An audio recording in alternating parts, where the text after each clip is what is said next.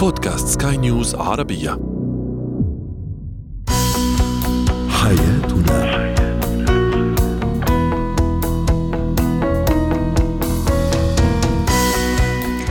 مستمعينا الكرام أهلا بكم معنا إلى حياتنا فضاؤكم اليومي الذي يعنى بشؤون الأسرة وباقي الشؤون الحياتية الأخرى والذي يمكنكم الاستماع إليه عبر منصة سكاي نيوز عربية dot com slash podcast وباقي منصات سكاي نيوز العربية الأخرى. شاركونا أيضا عبر رقم الواتساب 00971 561 6223 معي أنا آمال شاب. اليوم نتحدث لماذا أو سنتساءل لماذا يفضل البعض العزوبيه على الزواج؟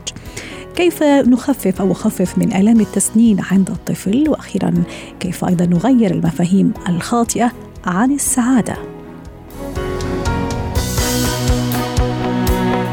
هو وهي.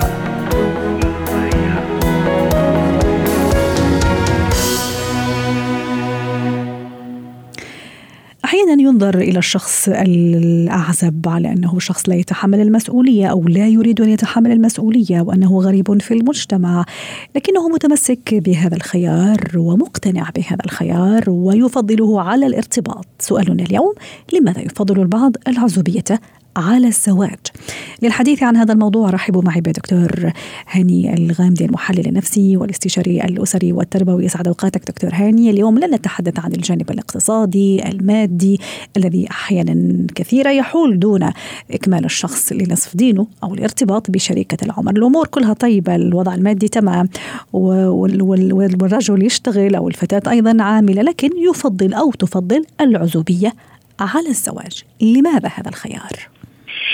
طيب أهلا وسهلا بك سيدة آمال وبكل المستمعين والمستمعات الأكارم. أهلا وسهلا. اولا يجب أن نعرف أن سنة الله في الناس في الحياة أن يكون هناك تزاوج. فهذا أمر رباني بطلب من المولى عز وجل بأن نكون في هذه الأرض لنعمرها من خلال الزواج ومن ثم يخرج مخاليق على أساس أنهم يعمروا الأرض، فهذا أمر آه واجب شرعي من قبل أن يكون واجب إنساني. ثانيا نجي على الموضوع الإنساني اليوم يا سيدتي بكل أسف بعض الشباب من الجنسين من الرجال ومن النساء وللأسف يا امال إنه أكثرهم من النساء لست متحاملا ولكن هذا هو الواقع. هم أو هن يرفضن موضوع الزواج بيقول لك أنا أو بتقول إنه أنا الآن حأكون شخص تحت إمرة شخص آخر وبالتالي حيحد على حريتي وحيكون هناك كثير من الالتزامات الخاصة فيني أنا. ومن هذا الباب أيضا قاعدة أشوف صاحباتي اللي بيتزوجوا وكلها كم شهر وبينفصلوا أو بيتطلقوا أو بيتعذبوا في بيوت الأسرة وبيوت الزوجية. وبالتالي أنا ليش أدخل في هذه المعمعة؟ يعني فكرة خاطئة عن الزواج أو متشبعة بأفكار خاطئة عن الزواج أو بتجارب من هنا وهناك سلبية وعملت لها إسقاط على حياتها. قد تكون أيضا مآلها أو مصيرها الفشل بالنسبة لها أحسنتي ولكن الأمر المهم يا سيدتي هل يعقل أن يعيش الإنسان بلا حب؟ هذا هو السؤال الكبير. طب وإذا كان هناك حب يا أمال كيف نأطره؟ هل نمشي في طريق ليس من الطريق ال ال الخاص على كافة الأديان وكافة ال ال الأشرعة؟ هل نحن كبشر أليس من المفترض أن يكون لدينا رباط وهذا الرباط يكون رباط ديني أو رباط إنساني؟ أعتقد أنه حتة البعض للأسف وخلينا نكون واقعيين وواضحين يا أمان البعض بيقول لك يا أخي أنا أقضيها مع صديق أو أقضيها مع صديقة. لا يا ابني ولا يا بنتي.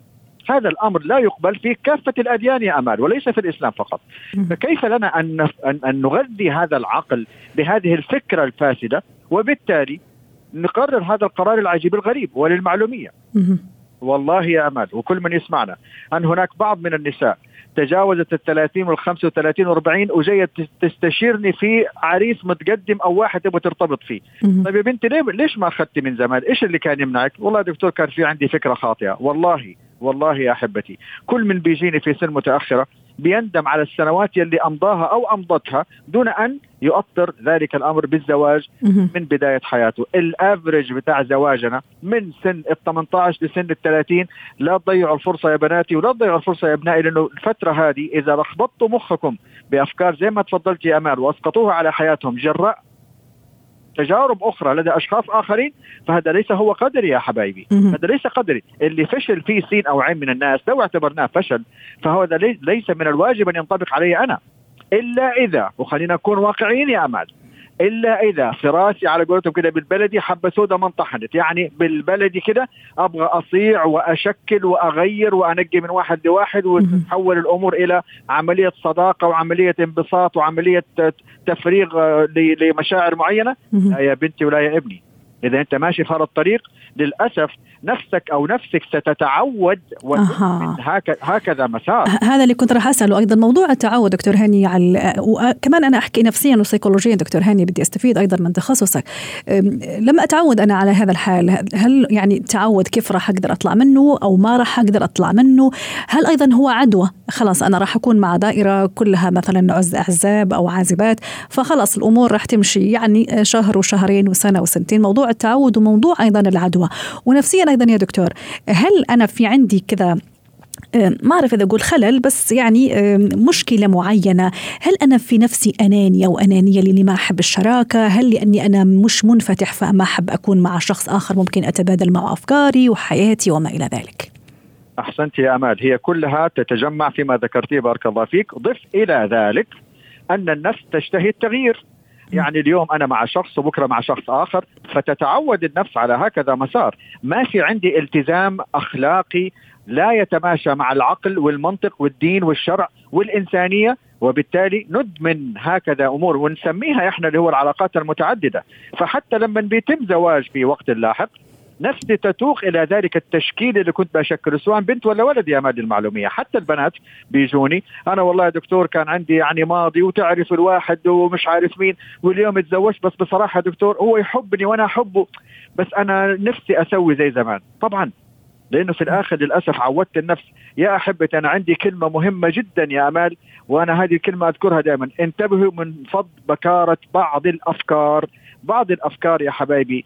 لا يجب أن لا ند منها أو ما ندخل فيها من الأصل لأنه لو فضينا بكارة هذه الفكرة لو جاز التعبير يقينا بانه النفس ستتعلق بهكذا مسار. لذلك رب العباد ادانا قوانين ادانا حدود وعندنا أيضا لما نرتقي باستصدار قرارات راقية في علاقاتنا الإنسانية رب العباد حيعيننا. يعني أمور كثير حقيقة أتعجب انه تحصل. اليوم يا أمان للأسف العذر الأكبر لدى الطرفين والأكثر لدى البنات إنه يا دكتور العلاقات كلها فاشلة أنا أجيب لي واحد حيستهبل علي أو ممكن أنا مستقلة ماديا وأنا خلاص موظفة فمش بحاجة لشخص ممكن يعني يكون مسؤول عني ماديا. وبالنسبة نفس الشيء بالنسبة للرجل إنه أنا موظف وأموري طيبة وخلاص ممكن أجيب أكلي من من المطاعم ممكن اللاندري أيضا من المغسلة فالأمور طيبة فما يحتاج أني آه، تكون لي شريكة عمر أو شريك عمر. مع تناسي أمر مهم يا أختي بارك الله فيك، الفطرة الإنسانية بدون وجود شريك في الحياة لا يمكن أن يكون هذا الإنسان متوازن في استصداراته لقراراته الطبيعية في تشاركيته مع الآخرين. بمعنى أن ليس هناك من شخص متوازن دون أن يكون هناك حب أنا جبتها بكلمة لطيفة. أعتقد أنه عارفين انه الحب يؤدي إلى ماذا؟ وبالتالي لا يستطيع الإنسان انه يعيش من غير تفعيل هذه الغريزة الطبيعية داخل جسده وداخل أحاسيسه ومشاعره. فهل يعقل إني أعيش دون تشاركية من الناحية اللي هي الحب اللي الكلمة اللطيفه اللي بنقولها؟ هل ممكن نعيش بهذه الطريقة؟ أعتقد انه أي إنسان بالنسبة لهذا السؤال يقول لك أنا ما أستطيع وإذا كان يستطيع في فكرة في فترة ما فبعد مدة من الزمن سيحتاج إلى هذه الفطرة الطبيعية لتشاركيتها مع الآخر. فالسؤال كيف ستشاركها وكيف ستشاركينها بالحلال ولا بالحرام؟ هذا هو السؤال المهم. شكرا لك دكتور هاني الغامدي المحلل النفسي والاستشاري التربوي والاسري ضيفنا من جدة.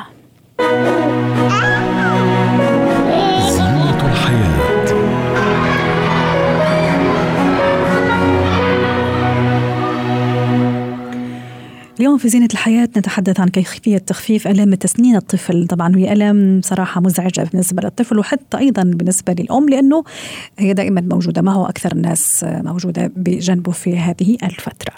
للحديث عن هذا الموضوع رحبوا معي بدكتور أحمد عبد العالي استشاري طب الأطفال. يسعد أوقاتك يا دكتور أحمد. آه، طبعا في مرحلة التسنين يعاني الطفل من ألم وانزعاج طبعا آه، مزعجين في الحقيقة. آه، يأثر على أكله نومه وشربه وحتى حركته بشكل بشكل عام. كيف تعامل مع هذا الألم تسني دكتور أحمد؟ هل في طرق ربما نستخدمها في البيت حتى أخفف على ابني أو بنتي هذه الألم؟ أهلا بك يا عماد أهلا السادة المستمعين آه، الحقيقة التسنين ده يعني أقل من الوصف زي ما ذكرت كده إنها مزعجة. هي رحلة جدا. مزعجة فعلا. صح. وقد تكون مؤلمة للطفل وللأم كمان. م. شدة آلام التسنين تختلف طبعا من طفل للتاني. ومعروف إن تسنين الطفل بيبدأ من عمر أربع لسبع شهور يعني ممكن يتأخر لعمر سنة في بعض الأطفال. في علامات بتخلي الأم تعرف إن الطفل ده فعلا بيسنن ولا ولا في سبب آخر؟ يعني علامات التسنين زي تلاقي اللعاب بتاعه زيادة شوية اللثة منتفخة أو لونها أحمر شوية. الطفل عايز يعض أي حاجة تقابله. آه مزاج. الأكل. آه. آه بالظبط. رفض الأكل واحيانا كمان رفض الرضاعة وده مشكلة كبيرة بالنسبة للأم. صح. المزاج المتقلب يعيط زيادة حتى نتيجة كمان حتى أعصاب الأسنان لأن ده يمكن يعني عملنا حلقة قبل كده عن الصداع عند الأطفال من ضمن اسبابه التسنين آلام التسنين. صح واحيانا الوخزات دكتور أحمد يعني أحيانا الولد يكون عادي فجأة بتلاقيه مثلا يصرخ وكأنه شيء واخزه يعني أنت ما بتعرف شو شو القصة. آه. يعني في النهاية ممكن هو الوخزة هذه اللي عم يشعر فيها ومؤلمة أكيد في الحقيقة إلا ما تكون مؤلمة وإلا ما كانش يعني بكى أو صرخ يعني. أكيد طبعا. بدل وصلت للبكاء اللي هي اللغة للطفل اللغة الوحيدة اللي الطفل بيقدر يعبر بها عن نفسه. م. وفعلا في ألم. يعني أرجع لسؤالك إزاي نخفف الألم ده عن يعني الطريقة المعروفة والسهلة تبريد منطقة اللثة يعني ده ده الفكرة بتاعتها. ممكن الأم تجيب يعني قطعة قماش مبللة كده وتنشفها بعد ما تحطها طبعا في الفريزر لمدة نص ساعة تكون باردة ويا إما الأم بتعمل مساج بيها للثه بس المشكلة يا دكتور الطفل حي... مش أحيانا دائما يعني ما أكيد ما راح يخليك انه انه إنه تلامس المنطقة يعني أكيد هو ما شاء الله عليه الولد في هذا السن كثير الحركة وبعدين أكيد هو راح يشعر بخطر أنت تحاول إنك تلمس المنطقة هو اوريدي متوجع منها. فشوية صعبة هذه. هو الكلام ده حقيقي بس بمجرد ما تلمسها لأن المكان بيكون محتقن. إحنا عارفين حتى المكان المحتقن لما نحط عليه كمادات مية باردة بيهدي الاحتقان أو تدفق الدم. فلما تبدأ الأم تحطها حتى لو ما عملتش مساج سيبته يعض فيها آه. هو بيستساغها بعد كده وبتريحه حتى. حتى يعني موضوع إعطاء الطفل حتى الأكل نفسه بننصح إن يكون طري وبارد في ال في ال في وقت التسمين وعلى ذكر الدكتور, دكتور معلش عم قاطعك لأنه موضوع كثير مهم وأنا متأكدة إنه كثير أمهات يعني بهمهم الموضوع. على ذكر الأكل الولد أنا أعرف حالات كثير يرفض الأكل يعني. أضغط عليه ولا ما أضغط عليه؟ يعني إذا ما أكل أكيد راح ينحف وصحته راح تتأثر. وأنت تعرف الأمهات كيف يعني لازم ابنها يأكل كل الطبق أو كل هذا. وإذا يعني كيف أتصرف في هذا الحال؟ أخليه براحته ما يأكل ولا أعطيني الحل. لا أنا هحاول أخفف الألم عشان يقدر ياكل. طول ما الألم موجود مش هيقدر حتى لو ضغطت عليه بالعكس ممكن يرجع ممكن م. انزعاجه يزيد. فلازم أخفف له الألم بطريقة أو بأخرى قبل ما ما, ما أعرض عليه الأكل أو الرضاعة إن هو يعني أريحه أول شيء. بالظبط. يعني زي ما قلنا اللي بتعمل الطرية والبارده زي الزبادي. زي الفواكه المهروسه تفاح كمثرى آه، خضروات زي الخيار ممكن يعض عليه الخيار أو الجزر بس طبعا الطفل اللي ملوش أسنان كافية إنه يقطعه ويكون مطمنين عليه يعني. وده ده في حد ذاته الغذاء ده غذاء وعلاج في نفس الوقت.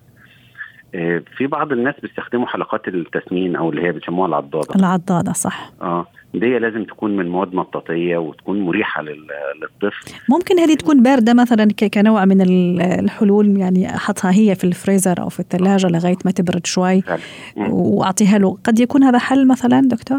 ده حله ده ده, ده فكرة العلاج الرئيسية يعني. بس مهم جدا طبعا ناخد بالنا من نظافتها صح. في حاجات كمان طبيعية زي الشاي البابونج. ده ممكن البابونج بعد ما يتغلي يتعمل مكعبات وتحط في الفريزر ونديه للطفل يعض عليه. ده بيبقى مهدئ وآمن وملمسه كويس ومريح بالنسبة للطفل. ومش بس البابونج في بعض الأعشاب الثانية اللي هي؟ زي النعناع البري زي القرنفل المغلي. ده برضه بعد تبريد ووضعه في الثلاجه لأن ده يعني القرنفل إني أغليه في المية دكتور؟ بالظبط. آه وبعد كده يتحط برضه في الثلاجه لأن إحنا قلنا هي فكرة تبريد الشيء عشان راحة اللثه انت عارفة كمان في بعض الأمهات بيحطوا معلقة في في الثلاجه لمدة ربع ساعة ويطلعوها يدوها للطفل يعض عليها. ملعقه يعني فولاذية يعني قصدك. آه بالظبط آه. فدي يعني هي مش غلط بس طبعا الطرق اللي أنا قلت عليها دي أهم منها. بعض الأدوية يعني أحيانا لما يكون الموضوع زايد شوية ممكن نلجأ لبعض الأدوية الآمنة بالنسبة للأطفال زي البارستامول مثلا اللي هو زي الأدول. لو الطفل أكبر شوية ممكن ندي بروفين. وما ننساش حاجة مهمة جدا جدا اللي هي الرضاعة الطبيعية. آه الرضاعة أنا مش هتكلم طبعا عن أهمية الرضاعة الطبيعية لأن دي تاخد حلقات وحلقات يعني. بس هقول إن الطفل لما بيضغط على ثدي الأم بيحس براحة. يعني ملمسه وفي نفس الوقت بي بي بيقدر يرضع زيادة. فوضع ثدي الأم في في فم الطفل ده مهم. وبالإضافة لقربه من من الأم برضه وهي حضناه وبترضعه ده ده في حد ذاته مهدئ. خاصة إذا ما كان يأكل كثير يعني يرفض الأكل. آه. في البعض أيضا يستخدموا زيت الزيتون أيضا آه، كشوية مساج يعني على على اللثه هل هذه طريقة صحيحة ممكن تهدي شوي من الألم؟ صحيحة جدا وصحية وطريقة معروفة والأمهات بتستخدمها كثير. آه، دكتور أحمد حتى نختم على خير ونودعك على خير اليوم حضرتك تعرف أكيد وسيد اللي عارفين إنه عادة ما تكون أيضا مصحوبة هذا الألم التسنين وفترة التسنين بالإسهال أيضا. مهم أتصور إنه كمان أعطي كميات وافرة ووفيره من من السوائل أو من الماء للطفل حتى ما يتعرض للجفاف، هل صحيح الكلام ولا لا؟ هو الطفل بصفة عامة محتاج سوائل طفل 70% من جسمه سوائل فلو فقد أي سوائل في جسمه بتأثر عليه بيبقى زي الوردة الدبلانة محتاجة تتروي تاني. بس في نقطة مهمة عايز أوضحها مال إن التسمين بريء من هذه الأعراض اللي ارتفاع الحرارة والإسهال. أه. يعني آه يعني ممكن ممكن يكون سبب غير مباشر لأن الطفل أنت عارفة في في التوقيت بتاع التسنين ده زي ما قلت لك بيحاول يحط أي حاجة في في بقه. فخصوصا لو الطفل بيزحف كمان فأي حاجة بيحطها في بقه مش نظيفة أو إيده اللي مش نظيفة اللي عمال يعض فيها دي بتنقل ميكروبات عن الجهاز الهضمي والجهاز التنفسي يجي الطفل حرارته ترتفع يحصل له إسهال يجي برشح. الأم دايما متهمة التسنين في في الموضوع ده. لا الكلام ده مش مش حقيقي. والتسنين ممكن يعمل ليونة بسيطة أو أو زيادة درجة حرارة بسيطة مش حمى لأن إحنا عارفين درجة الحراره اللي هي مش طبيعية ابتداء من 37 و8 من عشرة. في التسنين تكون أقل من كده. إنما في لو زادت عن كده لا لازم ندور على سبب تاني ولازم تستشير الطبيب في في الحالة ديت. ما على أساس إن ده فعلا آه، هو السبب التسمين وإذا رفض الدكتور عفوا الطفل دكتور الأكل يعني إن أنا هالعاده يعني هالحاله كثير شايفتها؟ إذا يعني طول هالفترة ستة وسبعة أشهر فعلا يرفض الأكل وما يحب يأكل لأنه عم يسنن وها هو إذا أكل يعني ممكن شوية بكميات بسيطة جدا رغم إني ريحته واعطيته كل هذه الأشياء اللي حضرتك ذكرتها. إيش الحل؟ باختصار. هو في الأيام اللي الطفل رافض الأكل فيها يهمني أكتر من الأكل السوائل يعني السوائل ممكن يتاخد الأكل حتى لو مضروب في خلاط لو مم. لو عصاير طبيعية لو أي سوائل تعوضه عشان ما يحصلوش جفاف تديله القيمة الغذائية مم. أنا بس في يعني نقطة أخيرة يعني أنا عارف الوقت البرنامج في ثواني الجل لأن ده سؤال متكرر من الأمهات جل التسنين مم. آه، بحذر لأن بعض أنواع الجل ده أو معظمها غير آمن لأنه مستخلص من نبات اسمه ست الحسن وده بيعمل مشاكل آه، صحية للطفل. بعضه كمان في مادة الليدوكايين اللي هي المخدرة وتضر للطفل. فأنا أنا دايما ما بنصحش باستعمال الجل الأشياء الطبيعية اللي اتكلمنا فيها أهم وأنسب كتير بالنسبة للطفل وآمن شكرا لك دكتور أحمد عبد العال كفيت ووفيت على كل هذه المعلومات يعطيك العافية مهارات حياة.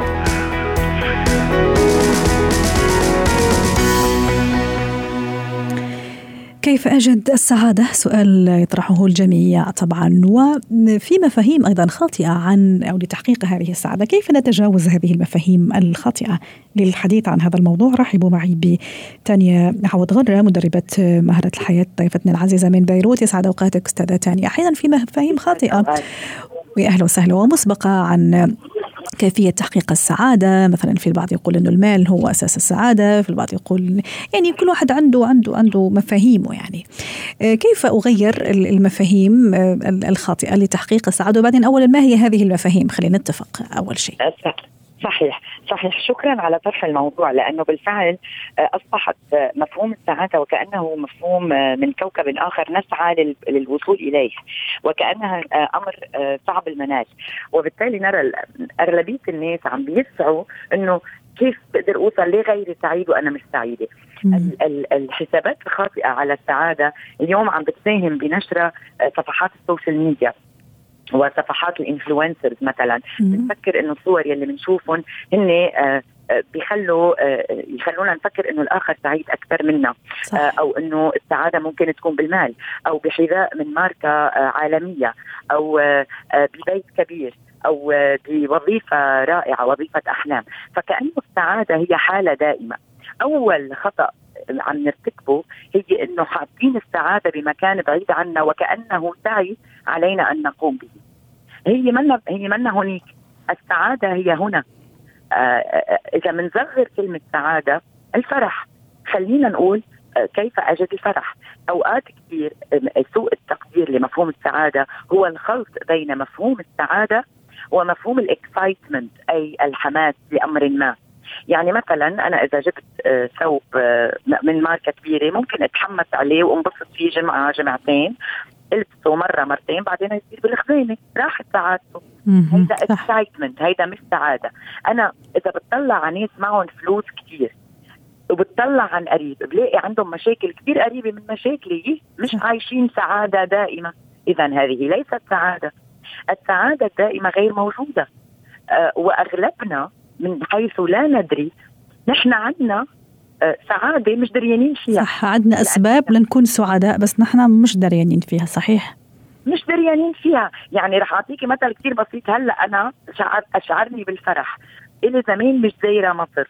وكل ما بكون ضيفي معك وعم بسمع الضيف اللي قبلي وبيكون الضيف اللي قبلي من مصر بفرح باللهجة المصرية بنغنش قلبي بقول يا الله شو حلوة مصر هيدا فرح. هيدا جميل. هيدا شيء بسيط. هيدا شيء بسيط. ولكن هذه نوع هذا نوع من السعادة. انت انت جلبتيه لوحدك. يعني انت انت اللي يعني جلبتيه مع نفسك وعشتيه يعني بطريقتك. طبعا لأنه لأنه الفرح إذا إذا بقرر إني شوفه بشوفه بالنهار القصير أكثر من 10 15 مرة باسوء الظروف. لأنه هي هي لحظات قصيرة الفرح والسعادة هي نوع من الشعور والمشاعر كلها آه، آه، آه، مهمة السيء والإيجابي منها. وما وكلها ضيوف بتمر وبتروح بيجي بدالها بترجع بتجي. المشاعر ضيوف والفرح ضيف. والحزن ضيف والغضب ضيف واليأس ضيف والحزن ضيف. إلى ما هون هم ضيوف. علينا أنه أول شيء نفتح إيدينا لهالمشاعر نستقبلها كضيف ونعرف أنها رح تروح بس رح ترجع تجي. الفرح والسعادة بأمور صغيرة بين أيدينا في كل يوم. لكن ال social media والإعلام والقصص من نحن وصغار بخبرونا وعاشوا معا بثبات ونبات وعاشوا بسعادة. بنصدق بعدنا مصدقين إنه السعادة هي حالة عند الآخر وليست عندي. وبحس بالغبن إنه ليه الآخرين سعداء أكثر مني. رأي. وهذا أمر غير صحيح. وأيضا ما يسعد تانيا ليس بالضرورة هو ما يسعد أمال مثلا والعكس صحيح ولا لا؟ صحيح صحيح. ما يسعدك يمكن يختلف عما يسعدني.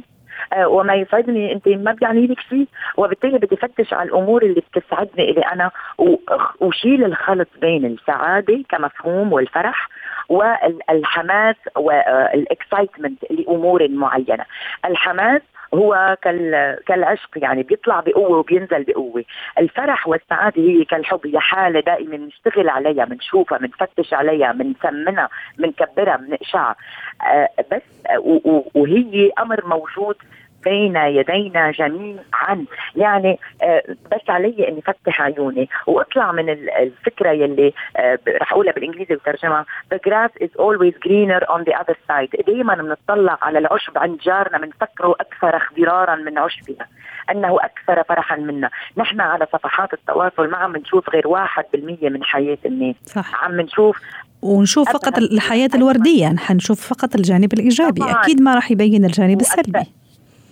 طبعا لأنه بنخليه لنا الجانب السلبي. وأكثر من هيك مش بس عم نشوف الجانب الإيجابي عم نشوفه مع فلترات ومع effect ومع مؤثرات ومع 100 إضافة له ليكون بأبهى حالته. وأغلب الأوقات صرنا نحن بنتصنع السعادة لناخذ هالصورة السيلفي وبننسى نتمتع باللحظة اللي بنكون فيها. يعني أنا ما بستوعب بعدني لهلأ. أنا إذا عم بتمتع مثلا برحلة بالطبيعة أوقات كثير بنسى أحمل تليفوني وصور لأنه بكون سعيدة لدرجة بنسى إنه بدي آخذ صورة لحطها على ال social media. صح. لأني عم بتمتع باللحظة هذه لحظة سعادة. أن أرى أولادي بصحة جيدة هذه سعادة. أن أستفيق الصباح وأنا أتنفس وما زلت على قيد الحياة. هي عجيبة يجب أن أسعد لها. ما زلت هنا.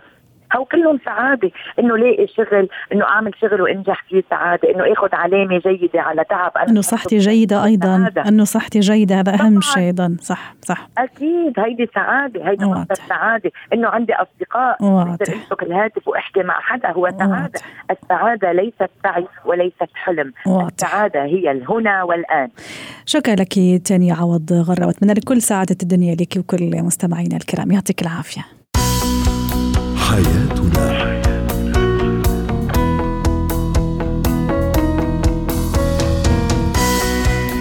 ختام حلقة اليوم من حياتنا. شكرا لكم وإلى اللقاء.